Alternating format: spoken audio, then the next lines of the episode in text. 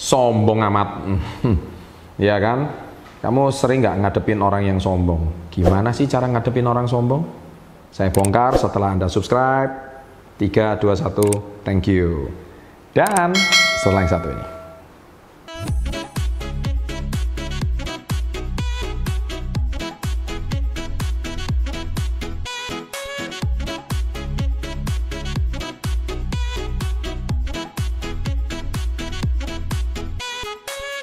Sahabat entrepreneur, salam hebat luar biasa. Ya, kadang-kadang repot ya ngadepin orang sombong ini ya. Ya, saya pernah membahas tiga tingkat kesombongan ya. Ada orang yang sombongnya kelihatan sampai sombongnya nggak kelihatan gitu. Sampai dia nggak sadar kalau uh, dia nggak sadar kalau dirinya sombong gitu, ya kan? Nah, tapi nggak masalah, itu urusan orang bukan urusan kalian. Jadi ada tiga cara ngadepin orang yang sombong ya.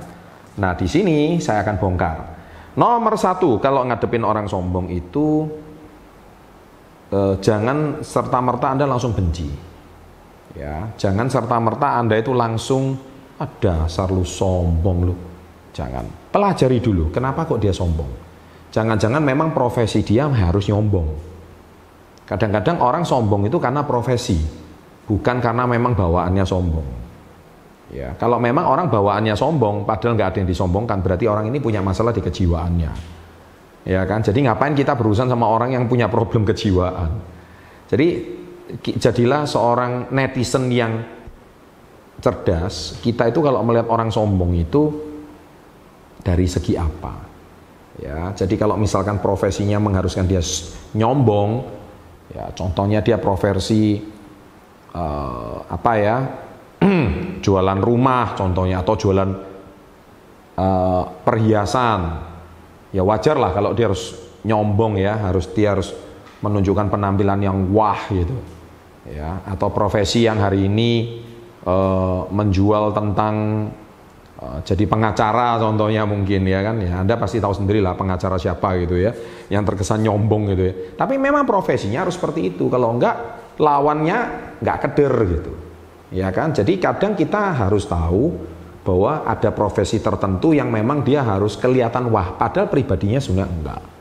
Ya, jadi sahabat entrepreneur, kalau Anda menghadapi orang yang sombong, nomor satu, telusuri dulu kenapa dia sombong. Jadi jangan serta-merta kita langsung mengambil kesimpulan, ah orang ini dasar. Tapi ketika ditemui orangnya enak, kita belum tahu. Ya, yang kedua, dengarkan saja tanpa memasukkan ke dalam perasaan.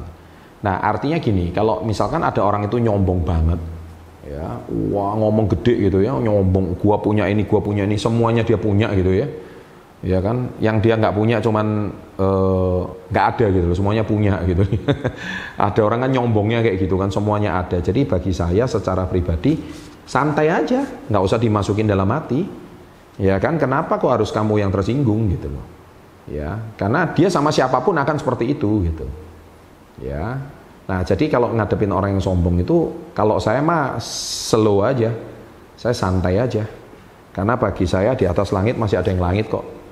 Dan orang di atas langit kadang-kadang nggak nyombong juga banyak gitu. Kalau memang bukan profesi untuk nyombong karena gini loh orang nyombong itu biasanya karena ada eh, menurut saya ada suatu proses dalam hidupnya yang menyebabkan dia tuh ada dendam di dalam hatinya Nah, jadi kalau dia masih menyimpan api dalam sekam, ada dendam dalam hatinya, berarti yang kas, orang ini kasihan kan. Jadi dia itu cara balas dendamnya itu mungkin dulu dia dulu pernah dihina, dicap miskin, dikucilkan keluarga, ya kan, dibully teman-temannya sehingga dia menjadi minder, nggak percaya diri, tapi dia sukses sekarang. Wah dia nyombong sekarang. Nah dia balas dendamnya seperti itu. Menurut saya tidak perlu. Kenapa? Karena saya juga pernah bahas di konten saya uh, beberapa tingkat kebahagiaan ya di situ saya pernah bahas tentang uh, ada orang yang bahagia itu dengan cara memblessing orang lain seperti yang channel yang kita lakukan ini. Saya akan sangat senang kalau melihat anda semua itu maju dan berhasil. Tapi ada orang itu nggak bahagia ketika dia lihat melihat orang lain itu sukses yang adanya iri dan dia pengen lebih dari orang itu. Menurut saya sih sah-sah aja tidak masalah Cuman ya itu tadi, kalau Anda menghadapi orang seperti ini, dengarkan aja, tidak usah masukin dalam. Kalau kata-katanya pedas, kata-katanya itu sangat hmm, apa ya sangat hmm, tidak menyenangkan hati biarin aja ya. Nah yang ketiga jika tidak nyaman berikan bahasa tubuh tidak nyaman dan akhiri pembicaraan dengan sopan.